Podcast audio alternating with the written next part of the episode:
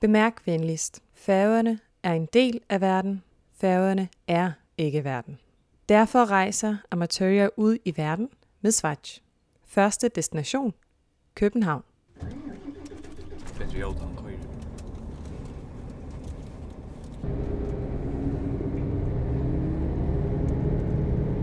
Sån kava typ va. Eh, nei, det er ikke.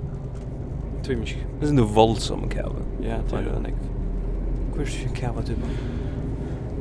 Tui, ja, det var ikke som jeg ble for glad til denne kave. Ja. Man kan ikke relatera til det. Det ble, ah, det ble så hemmelig hone. Ja. Det er så fisk. I färger körs och land där man takes er free till the kava. Jo, det er alltid man gjør. Man kan gå kvar. Hvis det er grint Ja. og kave, Ja. så skal man ha fru. Det er sånn det er absurd. Men alltså det var inte alltså så att fåglar fjärrar skola och så här sorts som rona vilka skola. Ja, Ja, det det var alltså Angie skola gång. nei, akkurat. Så det var kava. Men vi har jo så spurningen, hvordan jeg missa de bøttene? Jeg var ikke ferdig i skolen, og i fugla ferdig i skolen. fuglafjær? Ja. Jag tycker vi det är öliga lussens skola. Ja, det trygg vi eisen. Alltså jag tycker vi det är för bant över till Ja. att säga. Nei, det her... God til å skapt alt det der. Ja. Og, og, og jeg kan lært ikke administrere det. Fuglafjør som så har ikke problem. Men Nei. problemet er at da man skal til fuglafjør, Ja. så må man lukka kvar for å gå i kampsted. Ja. Och tä Det er ikke et godt sted. till det var nästa. Ja, det er det. Man får alltid flå. Ja, ja, ja. Tycker vi steg glad för kava här. Nei, det er nok helt ikke. Ja. Vi er jo som vi er sms nå. Utan vi sms. Vi, vi køyrer vi stram, stramførskiplansens. Enn altså bussen. Koira vi straffar sig ibland så. Det er det vi gjør. Ja, ja. Tycker vi känns för att skola flå. er okkur tilfæri av og i Mivai og og i Arn, Arn Tunnelen Hvis, kan, hvis man Leinon? Ja, ja Leinon Kan man færi av her? Färjan alltså jag tycker det är möjligt att få bussa för nästa vecka. Och han säger om man här är ett busstoppställe. er ja Det er okkur næst nu Ja, annars tvær tebollar vi Tvær? Ja, Ikke flere? ikke eta nikvar altså Det er et minimum fyra til ball. Fyra? Altså, det kan jeg gjøre, altså, i hvert kvöld, men det er bussturen er så lenge. Går vi på svabefabrikkene nå. Det er det gode huset. Det er sånn stortlet er vi at man Jeg ångat vite at det var en sapefabrikk Men det er jo at man, at man blir vi å kalla ting Det som det var Fri hundra år siden Jeg sagt man sier, nu, nu er fyrir domarna sanatoriet Ja. Det er ikke sanatoriet Det var en tomlega stofa Det er ikke høyt Margarinfabrikken, Ja. rensa ruje, Ja, spinna ruje. ja eh, Hva er det andre? Posthus kjallar Ja. Jeg vet ikke hva mer er Katalogsan. Sikkert det er sikkert funksjon det er i det Altså Du lytter til Amatørjag, en podcast med to idioter i København. Hvordan er det under tunnelen? Hon eide kottla fjæra tunnelen Men man sier kottfjæra tunnelen Ok. Tleis mig vita hver hon er Så ligger hon mittlen Kotlafjør og Kalbaksfjør Men her er mun til å kalla okkur margarinfabrikken. Ja. Ja, Og her var et sted for ung. ja Så kall for at tunnelen rettelig konkret. Ja, det er det Det er det Det er det Det er bindelig i mittlen tvei Ja. Stø som man omgat i stekkar og Ja. og jeg synes det er at, at, at alle tunneler færer jo urhavn, altså hva kallar det røys, at navnet til dem indikerer det at hver man fer urhavn, Ja. yeah. Estrøya tunnelen, Ja, ja Sandøya tunnelen, Ja, det passar Kolfæra tunnelen. Ja, ja Det er ikke så Sjukt som det. Nei Hvor ikke alle bare etter Torsaner tunnelen. Ja, ja. Det er är ganska månt att att lumpa folk till att halta att det, det handlar om dig och inte om honom. Det handlar om honom. Det er det fleste færer. Ja, ja, ja, det är det. Du er är näka gällde vid bussen och Joko. Har man det? Jo. Du, men jag är, nu måste vi lugga adressera näka. Nu Ja, kör vi ja. då i kör bort från Kotlafjärden nu. Det er for å få en skilift her oppe i Ångstens, hva er det der? Det er somfell. Ja, samfellet. Det er døme nummer 376 i amatørrerettene Ja. om at førjer er livet. 100%. Altså, vi tar tvær dier av kava og mara. Ja. Og så har vi tjejfolk Ja. som vill ha en skilift. och så får man det. Og er jeg så eisne Estroyer, Skuifela eller et eller annet atler at at gjøre mer enn borsrur nå kom han til igjen. Ja, det är stående. Jag, jag vet att jag tog in det skriv. Alla gör mer än Ja, jeg hadde det. Jeg minns jeg minns ikke om det var Estroyer, Skuifela. eller- Jeg hadde faktisk, det her var et sort navn. Ja. Et eller annet vi fjaller. Ja, jag känner. Ja, fjäller och så. Skuifjaller. Och så för- för- flöta liksom. Men er- jag ta må ta må vara så är allt. Hvis vi ser till förringar stånden jag fel och nu alltså, ja. Ja. Och det är ta i tyr eller rinkar Mhm. Mm. så stående folk jag fel. Du vet, det organiserar sig. Mhm. Motor eh, hunkursnej eller vad det- vad det kan vara. Ja. Eller eller hvis det är liv i en diktatur så stående det fel. Menneskjon går over touch. Ja, sånn ting, ja. Og så tar tøyene er alt for gåar. Ja. Så står nå folk sin, hun tar sikkert fel som ikke gjør noen mening. Men tar tøyene er, jeg synes det så er 2013. Ja. Da kommer ikke fel. Nei. Det hadde vært middelen perioden her. Ja.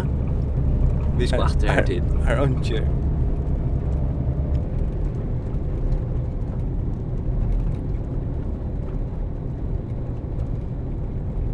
Bussjåfører har alltid ræv stora solbriller.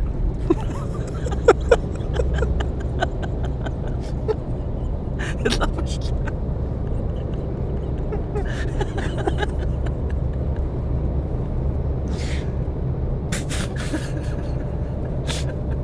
Det er sånn dobbelt.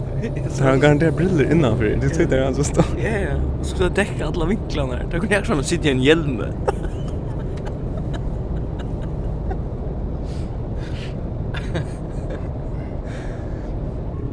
Et annet teg nummer før er livet, teg nummer 388, Ja.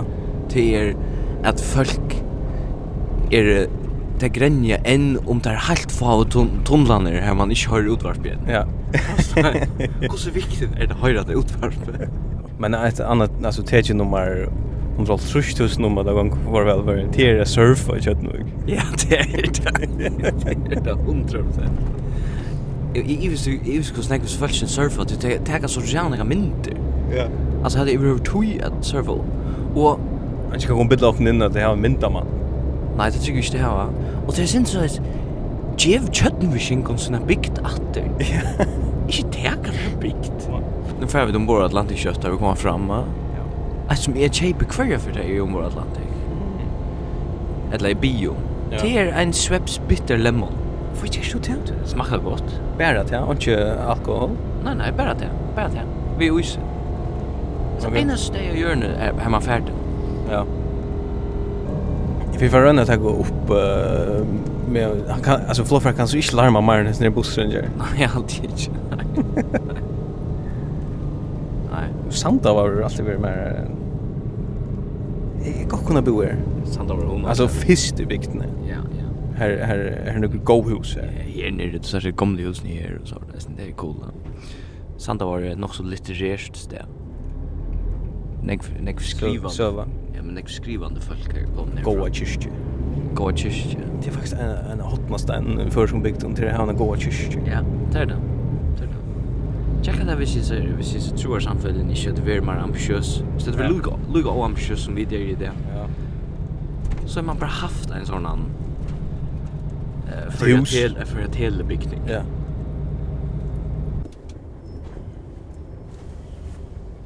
Nå er vi det. Ja. Nå er vi det.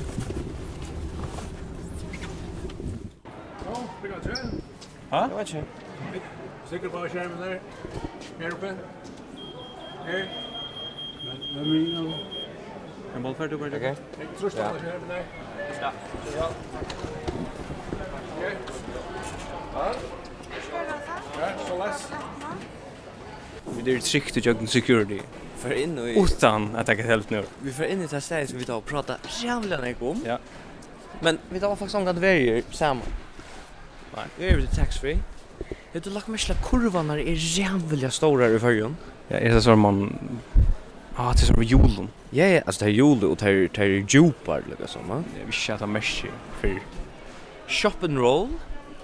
Jag dock det klistrar av shoulder där. Okej. Okej. Så var det tilbud her. 8 och 4 kremig. Man nästan tackar mindre. Nej, inte vad det är.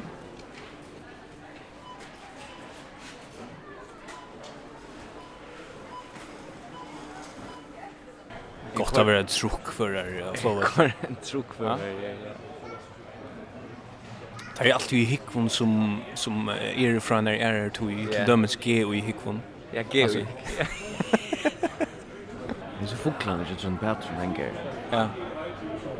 Jag tar inte jag är just inte för nick kvar. Jo. Vi får pröva att ta upp en borra. Ja. Ja, fint. Så pröva det. Hej. Hei, har du sittet ned her? Ja. Ja, Nej. ikke. Er Et leiv til å sitte alle gal, jeg får så aperne alle Ja, det är ordentligt gott. Ja. Om det er næste gang, så skulle de la dårene opp for dere. Vi sier det kommer fra Arlen. Ja. Så jeg lukene borser oppe, at han tar seg innenfor det, og etter nere. Mm. Så skal ordene takkes inn, så feitet den ut fram etter.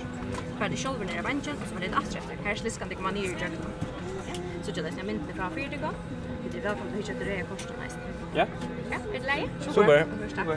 Jag står bara Ja, där. det sitter det nede her. Du får ikke finne det også. Nej, men det tog två års er vi. Vi sitter fra Arlen. Är den Er minst praktiska männen att sitta där? Jag vill bara säga det er på mig. Jag hoppas inte jag hör det där. Men... Tusen Tusenskivaren er jo kjære Vegard Hansen, og at Så var han han der. er velkommen, velkommen bort. Forbundet det vil ha en eitemål trus, vekker turen til er godt. Vekker kjempen an til er godt, her låt av Estre, her går Sunne, Skutja og Tveisti. Alltså här är en flashbar nära den saknar jag Kanskje amma du än att det är gott väder. gott ved. Bara Avslutar armt. det är så den processen här det är bara Gå en dag og bære bøttbassen og bøttene. Det Fake kan reise samtidig i eggs. kolde. Man Eller vet ikke man har med. Så til vi er en time Altså- og 30 minutter. Vi kan nå vise at det er en god Han slicer sikker- armt. så blåfær vi nødt. Og slicer jeg så samt at det høyder vi da til man fylger vel via skutjene. Fyrt til rekna sikt, melder vi til en til, ikke bruker smadaler vi fra prolenting. Takk for det. Jag är inte avskyrt typ av det. Nej, alltid inte. Är det inte? Alltid det är rättliga ski för eh, material. Ja, jag haltar det. Ja, Vi får en flån nu, vi må droppa. Så jag kan inte utdra hetta det är upptugget håll i första av småtallar. Jeg vil have en rystet pølse med det hele. Vi betaler, når vi farer. Så vi länder i Castro. Vi lander i Castro. Vi har var finja och allmäntliga hotdog. Ja, vi tar Altså- vært Steff Holberg. Yes, Vi tar kjøpt en, en vanlig han. allmäntliga. Han gjorde det på två sig. Mm. Ja, verkligen. Jeg holder ikke på nærkant som en måte man kan si at... Det heter fermentera. Mm, ja, nei... Alltså inte ju hesa bilsen jag fermentera. Nei, det er det ikke, men, men det er kanskje ikke for lite fermenteret. Det er heller ikke han jeg... Det er ikke god mat. Nej. Det er ikke sunt det heter. Nej, nej, fuck det.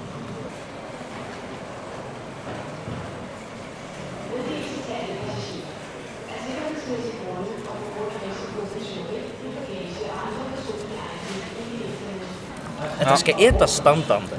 Ja. Man skal ikke stivne. Ja. Det är också det är också aktivt ute ute. Ja. Det er godt. Så det syns som att äta chili. Ja. Så du Chili? Ja, alltså det är starka mat så följer du att du du arbetar. Du er til gong. Ja, du arbetar. Ja, Ja. hvis du äter en fiskefrikadell så är det helt här. Ja. Så är hon så er är hon svällt och så är Ja. liot. Så ligger de Men så bare. har du starka mat Ja. så svettas du och du följer det som du gör en insats. Og det er ikke først mat det er faktisk evna etter. Ja. At gå med folk skulle kunne ete. Sitta ner. Ja, Och sugros. og ikke, ikke, som ikke kom tidsja så vel. Mm. Det er et problem. Nu är för Jag försnackade um om en sjukhus med att det var botinger. Ja. Det fick jag nu, tyvärr. Det var Er sjukhus nå. Fucking gott. Jeg bodde ikke god. Ja. ja, det Det er er det vel godt. Det er godt. Nu får vi ett hotell som vi ska bygga. Ja. Och vi får en outduga till tar vi det här gör allt. Ja. Ja, i alla fall, nu är vi kommande av ett hotell. Det är vi. Vi gör en av en hotell som är mildt sagt var öliga iva samar om år. Yes. Och det här hotellet är eller var av min lista över mest fermenterade hotell i Kongarus. Att han har att han har Nej, framför. Frammanför Loar, ja. Överst av Ja, listan. Och det är Hotel Hebron. är hotell Hebron. Hotel Hebron. Ja. hvordan nekvar fer eh, hvordan nekvar fer alu har lukka just a pit stop her. Ja. Arne fer at kosta brava etla okst anna Ja, ett pakka. bara ett bara i färden länka vikskift till Danmark. Ja, och så där. Hotel Hebron kan vara två ting. Mhm. Det kan vara eh ett ställe i i i Israel Ja. och Hebron är ju det. Eller i Palestina, jag vet inte. Ja. Det kan vara en samkomma i förrjun. Ja. Det är det allra helst. Ja. Och så kan det vara ett hotell här förrän kan komma i Köpenhamn. Yes. Men vi har vi har inte ringt att se om Hotel Hebron. Nej, em, alltså jag jag också det är gott Det er är ett gott hotell. Jag vill på Alltså det. särliga några ting. Det är det att det är hite och i golven Mhm. Yes. och avväsen. Ja. Det är gratis croissant. Yes. Croissant. Yes. Og, og Det har vært- span, spandauer, altså det. Det har faktisk en innegæra eisen. En inniger, jeg aldri det vi på det. Altså firebils, nu er det akkurat kommer, vi, vi etter en firebilsmeting. Ja, ja, men Vi altså. må lukka hitje på, Her til er det absolutt i orden. hitje på morgenmaten morgen, no? Teppet som det køyrer her er ikke, det er At det vil lur. et av velore, det er. Ja, nei, altså det som er sannsjene. Ja, det er det, det er det. Du, så det hugsa om, uh, nær byrja i føringren er at skilje mittlen kjøtt. Hva hoksa du um? om? Alltså det för mig alltså onkel blir att säga det är vi att hvis onkel säger ja, jag ska ha ha det här i kvitton. Ja. Så säger ganska onkel ser kan och och säger ja, men du har faktiskt synter nekva möjligheter innan för kvitt, du kan vara ra, ra kvitt eller Ja. yeah. HSKLs kvitt Ja. eller whatever. Ja, När blir jag förengren att skilja mittlen kött ja. och växtkött? och så rastkött. Ja. Alltså när, när får det här lukka så fram? Når det kom. Ja. Men saltkjøttet man har eisen haft. saltkött. Ja. Men er fäxkött, Ja. hur är det en chankra? Ja, men- Du det är er bara kött. alltså det Ja, det er faktisk rastkött det er- är det är det är en Ja, arbe- ta arbete du kött i kött. ja, ja, ja. Fäxkött är kött. Ja, ja.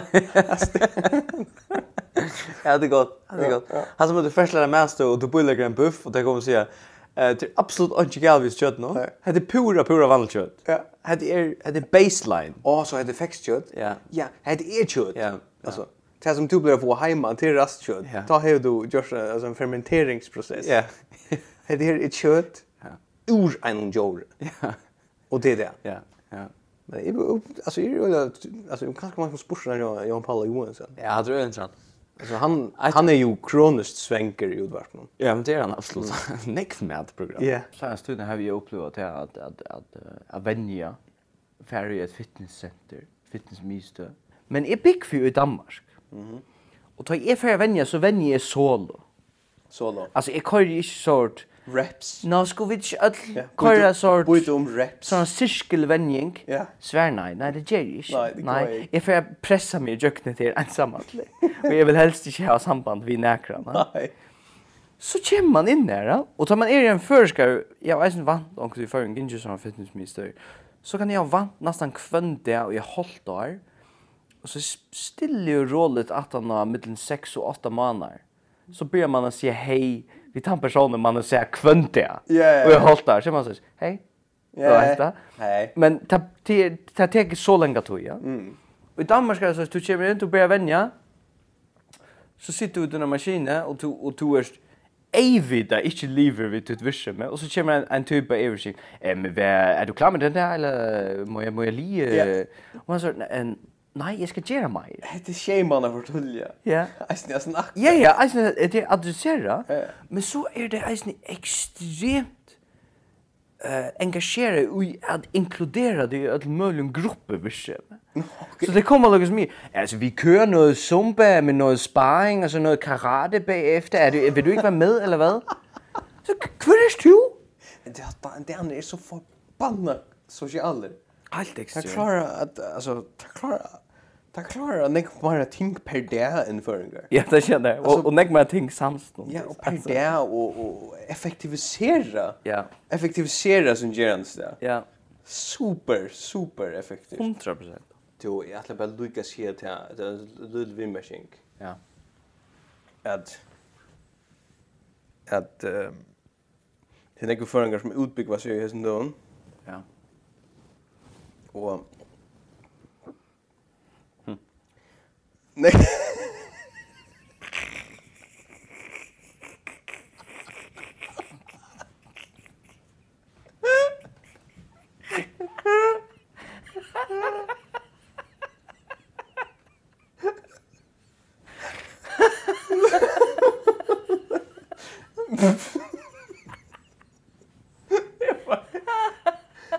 Vegan, du har frosk i halsen.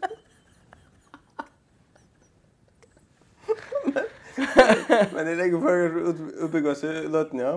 Ja. det er nekker sånn.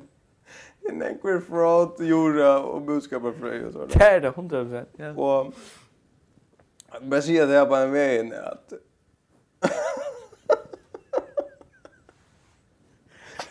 at det er slett ikke ordentlig å få seg en kandidat til å bygge.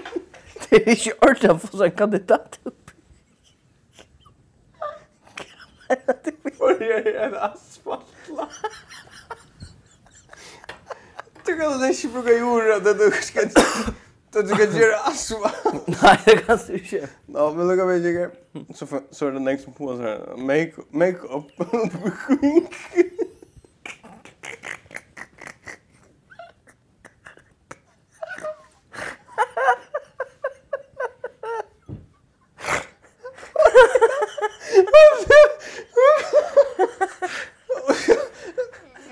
Og det er, det er så sjålvna.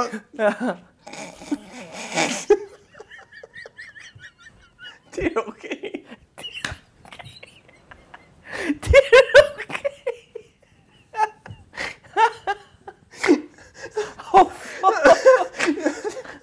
Men, men det som ikke er ok. det er- Man lærer jo å lägga make-up. va? Ja. Men tar man ikke noe färger. Så kallar man det smyrslig.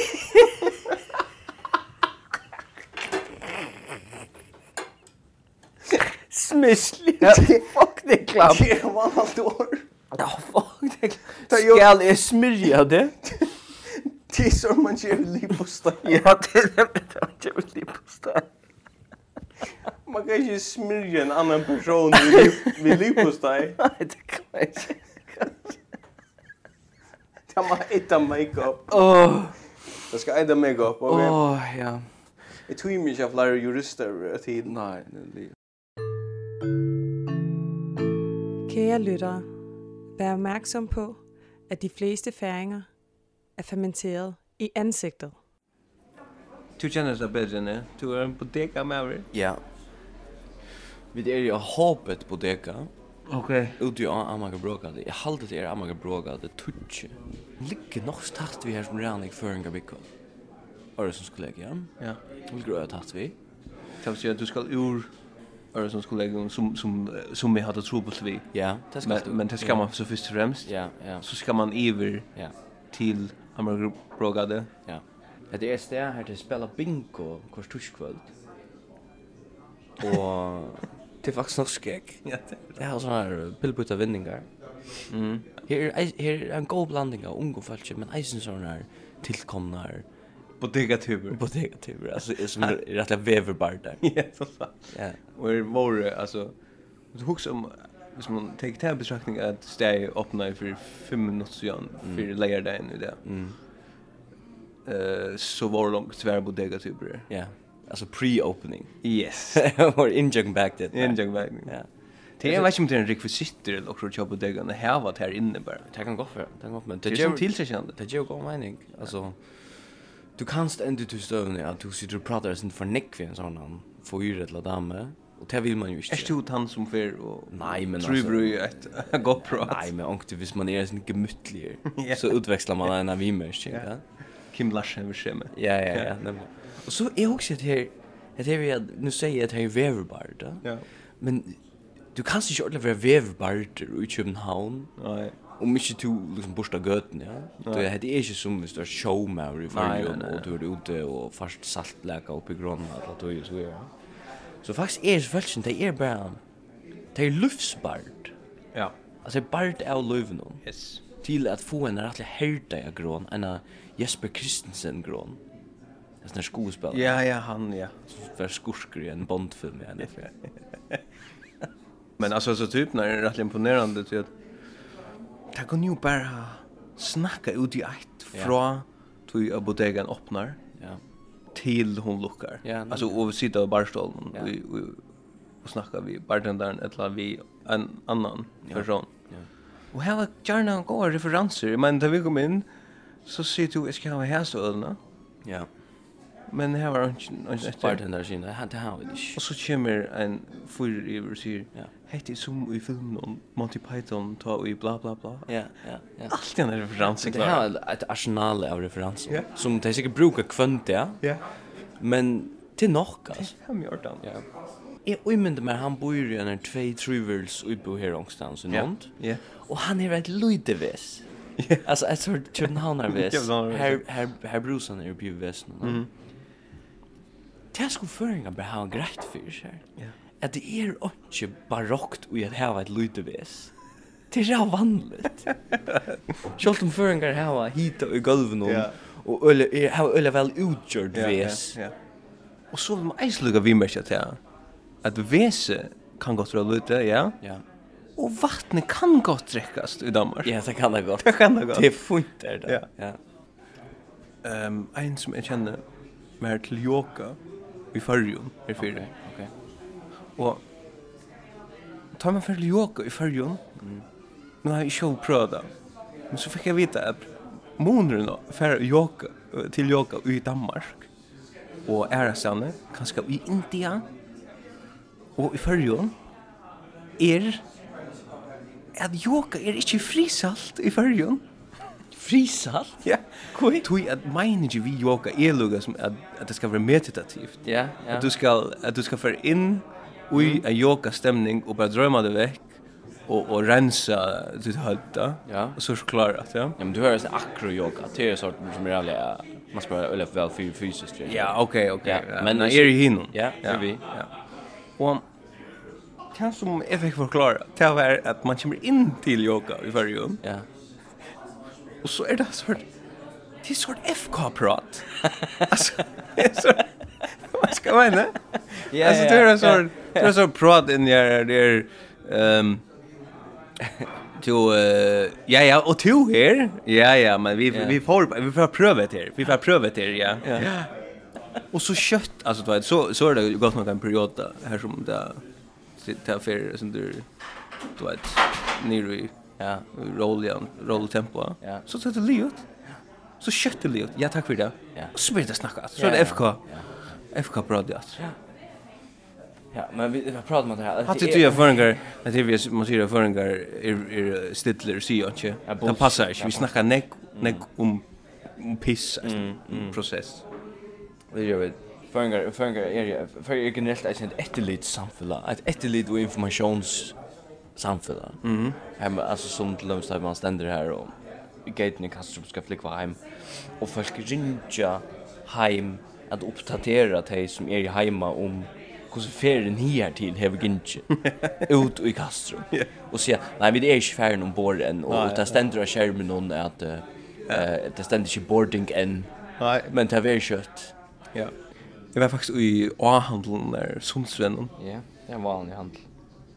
Ja, primärt tror jag folk renna upp jag, Ja.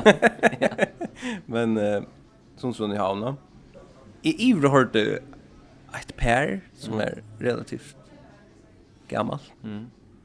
snakka om uh, hva det skulle ha til døra, og, og, og, og blive så svimmer aggressiv om hva, hva det skulle ha til døra.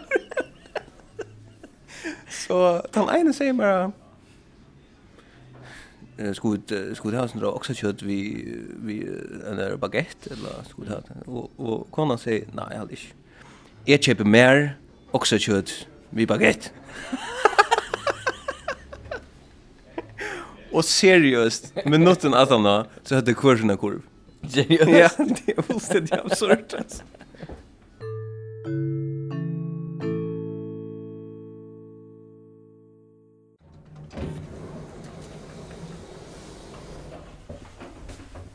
Okej. er Nu är det akkurat vakna här. Jag kan vakna här. Inn i elevatoren, kjøtt om at morgenmøt. Det går relevant och gott städ. Jeg synder nervøs om at morgenmøt. Helt det där. Vi er sitter hög grund till så. Jag ser, visst det här har bassar. Ja. Så är det gott nog. Så en bassa. Ja, en Vinner bassa, vinner så bassa. En vinner en vinnarbassa. Okej. Okay. Som jag Ja. Men se, jag krävs det buffé. Nej. Nej. Krävs det buffé? alltid buffé. God morgon. God morgon. Jag tror först initiativ vet det hotell. Stockholms Press Show. Vi får tänka podcast upp med mig. Det är det. Jag är hellre är är er, mer en brus typ av man där typ kaffe brus. Ja. Och det er är rätt väl. Det skulle jag kanske kalla det alltså. Ja. Det är väl. Ja. Så ser folk man man kan bära men vi er det är ju att Jansens ska sen alltså. Nej, det är ju. Vi kommer bara stämma till mig vänner. Vi fick ju att gå en morgon av förskolan. Jag kom in. Det här ska som åker i bojen Och så fick jag ett hejbjörn. Ja. Ja, men annars är det David 2 vid er um, vaknar vid att lägga något snäck ting vid det. Ja. Om man löser för att bli sol. Mhm. Det det synd det som att att eh, att eh, vara hans kollega för Joel. Ja. Känner jag.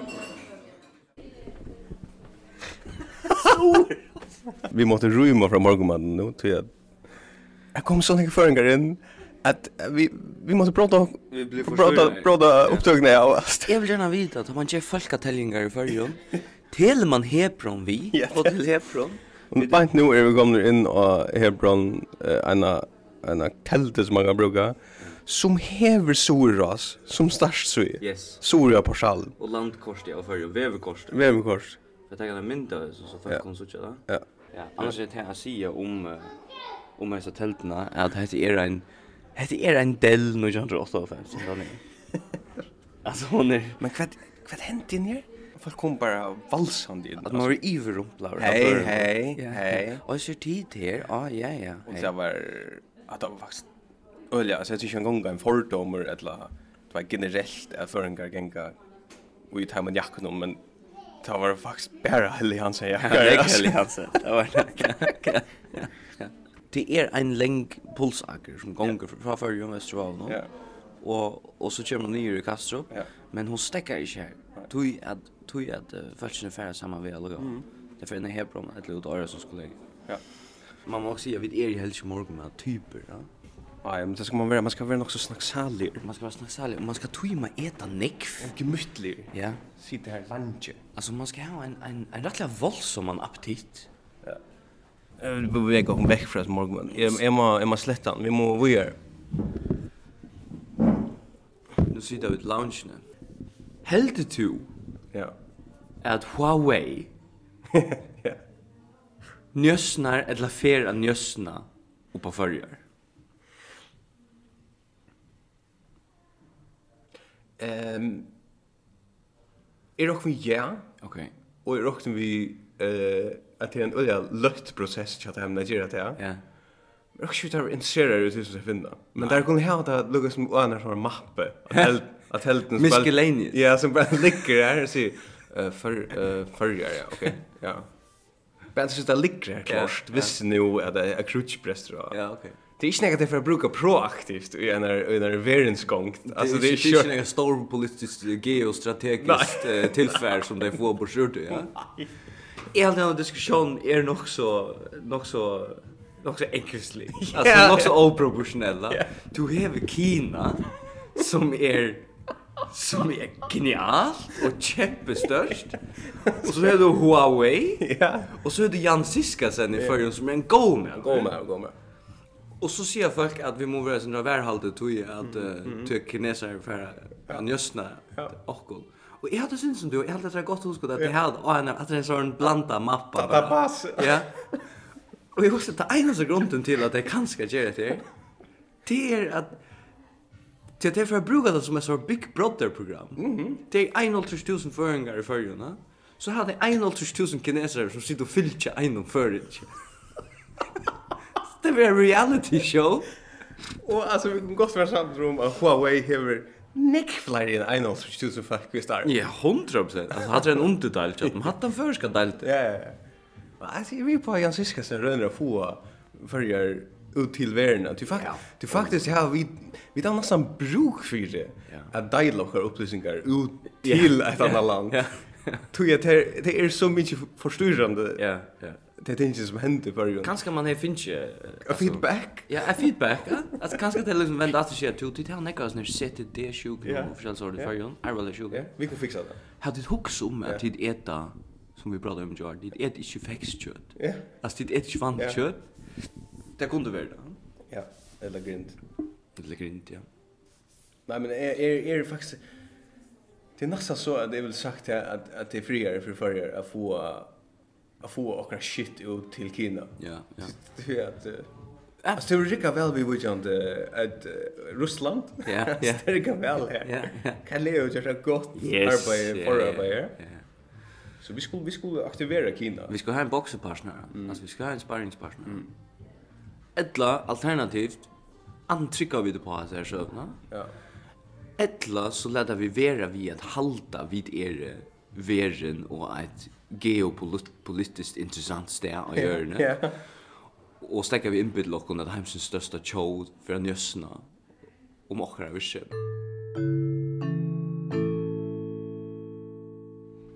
Nej, det tickare. En tika? Ja. Jag har omgått en tiggare för. Vill du säga en tiggare?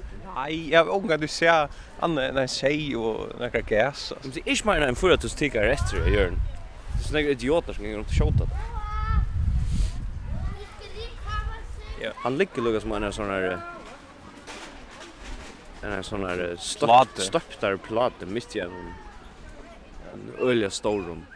Betonggärre. Ständer. Han lever i Ryssland och Kina. Ah, ja. Alltså en, en ölja variabel väkt mellan 120 och 300 kilo. 300 kilo, ja. Alltså, ja. Han var tvær til fyrre ungar. Han er ikke vegetar. Og han, ver, han kan være opp til 30 meter lenger. Det er det han er. Jag får lägga ut till appnar. Ja.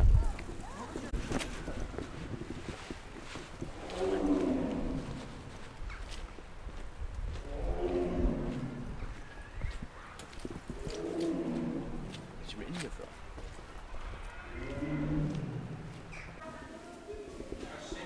Du, eh, vi, um, vi funnet appnar. Ja. Det tok redan lenge tog. Vi doa øyelig ytla å finne rundt. Det generelt. är det är ett kämpe bitchy plus. Ja, det er det. Det er Ja. det. Vi ser där fightas här till är är tigern. Ja. Ja. En tigare. Ja. En Jirio. Han kör solo. Appnar är i en glasbure. Ja. Och jag vill gärna ha att det skulle vara ute. Ja. Det slapp ikke ut. Men det er sånn... Um, det er sånn en diskusjon om, om, uh, om først det er fornuftet det her, og så lov skal hava eller ikke. Det er jo det er ikke- det er ikke stått å være jord her. Nei. Det er det ikke. Nei. Og det er, jeg tror åpenbart heldig ikke skulle være starsfolk her. Nei.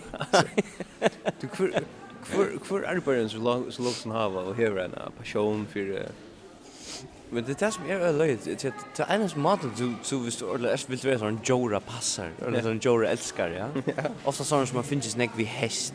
Ja. Det er blod sånn, ja? Hesta for. Ja. Så enda det er en zoologisk hava her, her, her jordan i hava super PTSD, altså. Ja, ja, Og, og det hava sånne voknar her, som man kan, man kan drassa sånne bøtten, sånne voknar. Möjligt att de, de vill ha det här tia eller något. Ja. En sån lägger det. Ja. er Är Er det några, är det några särskilt jord du vill börja? Alltså jag hade ju orangutang är det er cool, men det är det hade så så klok ut. Och det är så här Ja. breja gråna. Ja. Jag hade en sån spelare eller klok i Planet of the Apes, syns jag. Hon som Jo, ja. Rajev, va? Är Er det inte gorilla? Nej. er Ja, hon är Rajev, jag nämnde Hon är Rajev. Ja, ja. Eh, Alltså, Orangutang här, hon är öliga stor och öliga fight. Ja. Hon har den öliga märsliga breja grån. Ehm, er det är helt gärligt att det låter som en människa. Ja. Ja? Det är det, ja. Men eh, det er Etla at vi just time on us. Alltså vi får um sjå om det inte säga att eh, uh, att människor kommer från Apple och i i, i sin podcast. Alltså det tror jag vi inte säga. Jo, det Ha? tror er- jag. Tror du det säger det? Nej, nej, nej. Helt du att helt du att eh, att lustaren är till rejer. När var det att onkel Cordy och hon och jag så? Alltså vi vi det bygger ju sin drön så tillstånd då. Föringar eller människor generellt generellt hus eh, och ja, det drar så. Vi bara alltså förstår att det där kostar 105 kronor att komma in där. Jag hade inte vi för att vimma eller detta steg. Nej. Det får vi det inte. Detta för uh, att listan över don'ts. Ja, det är don'ts. Inte färre. Vi syns skuffar och så låg så så vi går också att snacka om något annat. Men du pratar ju om att det är vi att eh, att vi är ju i en så människor. Mm. Det det är fast vi på det. Alltså. Okej. Vi så huxar om um öll jord. Ja. All all allir er kus etta. Så är det så jord vi där. eh? Det är det. Så jord. Ja. Vi tar tar det ska finna sig en partner. eh? Ja. Så luktar det kvar annan. Ja. Alltså det luktar lika som rumporna jag går ner och sujor och underlöv och så vidare. Ja. Ja. Och det luktar luktar lukten som kommer från dem. Ja. Det ger människor inte. Men er viser vi at det har vi bara last och kon. Att låta vera. Du att det är inte socialt accepterat. Men hur skulle vi vara snägg översen hinne? Jo, Alltså, men nej. Hvis du så pilkar öll lögni av okkurna. Ja, öll- ja, ja, Ja, ja. alltså hvis du liksom fer vekk fra til at vi er interessera i finansiering som vi ikke er i naturliga. Ja, nämligen. Räntestolen. Og du pilkar, du pilkar alt vekk som heter eh at vi er i AH og i kaféliv og mentan og, og yrkingun og Ja. sådär. Husalan. Så er vi faktisk Vi er i her at vi vil gjerne lukta. Ja. Reivarolle, tja... Tja, kommer Tja, tuchino som man er til. Ja. Det här vi där. Alltså hvis, hvis vi skala i allt det där ja, så hade så hade vi bara li och så greinen här uppe. Och Ja. ja. bytte näckel och skrev och reven bara just sporadisk jo. Och boja efter onkel som luktar en av välkommen. Det var nog så stort experiment att pröva att jag alltså fullt finns ju en superorganiserad en eh fyr eller Ja. kvinna som har styr på finansiering, har har betalt sitt lån ner. Ja. Ett lån ner. Yes. Orlago. Ja. Stilla han in i det Abbebur. Ja. Jag vet inte om onkel Josh är där. Om det är en sån god Nej. sending som jag Nej. gör det. Och vita hur snäck vill skala av. Ja. Alltså han kommer ut att han er är Ja. 20-15 år. Ja. Hur snäck huxar han om sin lån? Ja. Alltså, hur snäck naturligt, vad är något Ja. ja. naturligt jag har Ja. inte jag anser. Men ett problem är som man blir att se att som man ju tendens att se att det är vi att ja, men vi människor blir så moderna ja och våra samhälle är så eh snägg milar och vi det avskar oss nästa som ger att vi kommer bort från våra naturtillstånd. Ja, ja. Och tog är det som att vi det dolka ja. Mm. Och ankrastan så finns det en rein utgåva av oss som är ospilt ja. Ja. Det vill jag bara säga. Det passar inte. Okej. Jag sa jag sa en sändning här där kom ju kontakt med en sån stamme i Amazonas. En sån som Ja, inte ja. lever i kontakt med. Ja, nämligen. Mm. Så som okej, så kom det kontakt och om man var en som är last mal eh det pratade ett upprona mal eller så så det var en som tog det skilja dig. Och så hällde man okej, det här var sex år. Ah, det sitter röjt att det friar pipe och äta blö och och då väl vi hånd någon och är eller fria er ja. Det var fucking banal. Alltså det det var liksom Alltså, texter. och- banal. Ja, ja, det Ja. var banal. Det vill lukka som han ene förr säger han ser en dam, ja. En av snir fra snir antropolog holden. Ja. Så en av snir uppror för han säger liksom bara vi henne. Jag vill ha en massa dam. Och jag vill ha kleine känner jag. Alltså. Och det var bara så- jag ska ha dam då. Ska ni Och så vill och så äta bara alltså Man ska bestämma sig kring bildelser inn at at det er det toppmoderne kapitalistiske samfunnet som har ruinert mennesker. Nei. Mennesker i ordtilstandet er eisen et ivasamt. Ja, okej, Altså, okej. Ja, ja. Ivasamt slæ av Joel. Man kunde sagt att alltså du du att nej det handlar om att kritisera det det kapital kapitalistiska Ja, samhället och ja. allt det där, ja, ja, ja. Så är också jag vill ju en en podd eh, i Amazonas. Ja, Så jag ja. sagt att skulle funnit några djupt i vad som ting Ja. vi vi urmänniskan. Ja. Jo. Typ han som är i zoo. Ja. Och redan är Johan. Jo, jo.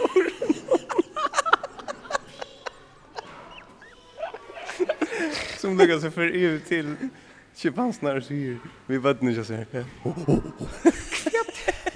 Helvete görs du? Ja, nej. Då kan man snacka om alltså att orden så riktigt kommer fram i en fortjärliga väl fyra Ja, ja, fyra ja. alltså, som som behöver som har lagt sin outlook kalender väl Yes, till rätt. yes. Kjempe problem. Du- du- Okay? Ja, det er rätt. Ja, det er Kjempe problem. rätt. Du har lyttet til første afsnit af Amatører i København. Lyt med næste gang, hvor de to idioter blandt andet besøger Jensens Bøffehus, Fields og Nørrebro.